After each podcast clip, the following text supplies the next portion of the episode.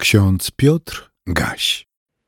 Piątek, 8 kwietnia 2022 roku.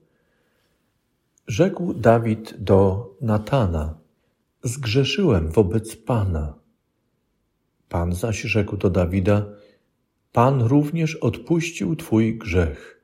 Nie umrzesz. Te słowa czytamy w drugiej księdze Samuelowej, w dwunastym rozdziale, trzynastym wersecie. Zaś w liście do Kolosan w drugim rozdziale, trzynastym wersecie czytamy Was, którzy umarliście w grzechach i w nieobrzezanym ciele waszym, Bóg wespół z Nim ożywił, odpuściwszy nam wszystkie grzechy. Dawid powiedział: Zgrzeszyłem wobec Pana. To było przełomowe wyznanie w jego życiu. Porzucił strojenie się w pobożność, zrezygnował z maskowania swojej nikczemności.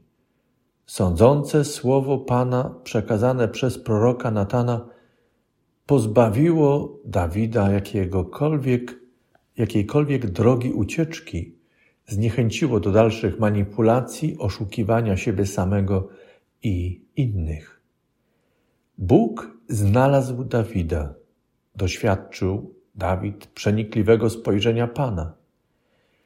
W tym było coś zawstydzającego dla króla. To było trudne i przerażające na samą myśl, że Bóg wie o wszystkim. Jednocześnie Dawid przeżył w tamtej sytuacji coś uwalniającego. Doznał oczyszczenia dzięki miłosierdziu i łasce Boga. Dawid przeżył wówczas to, o czym czytamy w księdze Ezechiela. Posłuchajmy. Gdy sprawiedliwy odwraca się od swojej sprawiedliwości i popełnia bezprawie, umrze. Z powodu swojego bezprawia, które popełnił, umrze.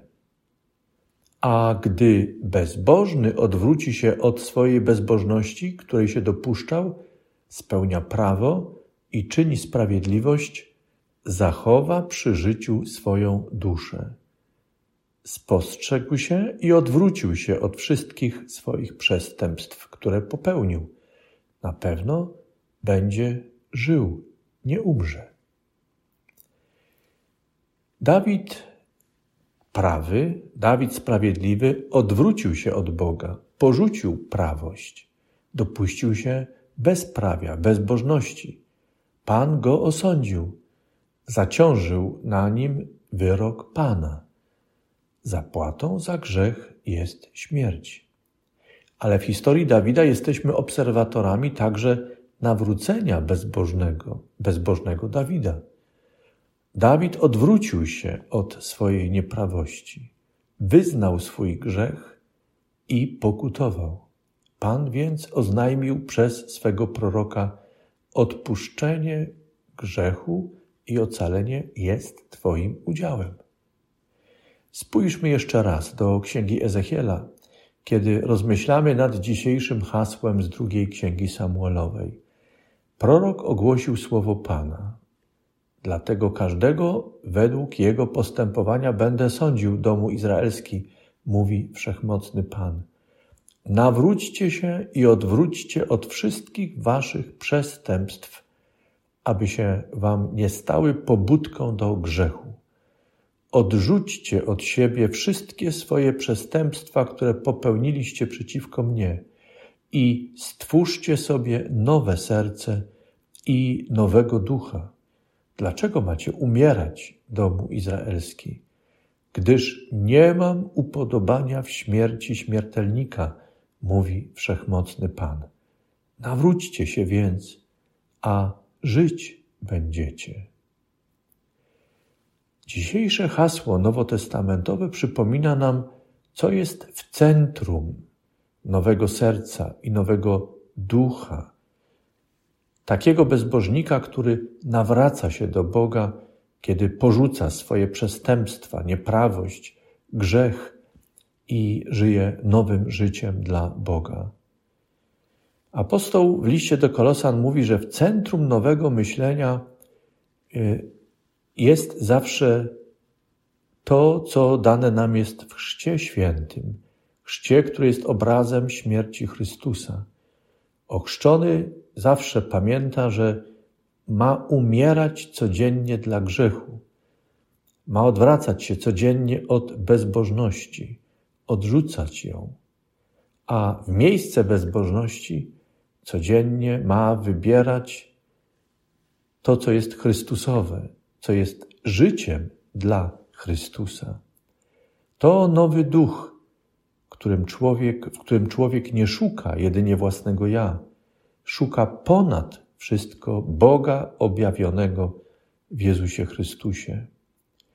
Bóg nam, nawróconym, bezbożnym, dla Chrystusa odpuszcza grzech. Apostoł napisał o tym w liście do Kolosan. Posłuchajmy.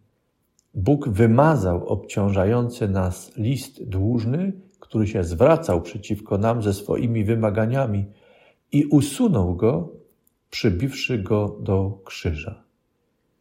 To znaczy, że Bóg na Chrystusa złożył grzech każdej i każdego z nas. Jego uczynił listem dłużnym. Wraz z Jego śmiercią wymazał nasz dług. Dług wobec Boga i dług wobec bliźnich. Wykonał Bóg na Chrystusie wyrok. Zapłatą za śmierć, za grzech jest śmierć. Tym samym śmierć Chrystusa to przybicie listu dłużnego do krzyża i tym samym Chrystu, śmierć Chrystusa stała się naszym ocaleniem. W pieśni pasyjnej, w naszym śpiewniku znajdujemy takie słowa, którymi chcemy się teraz modlić.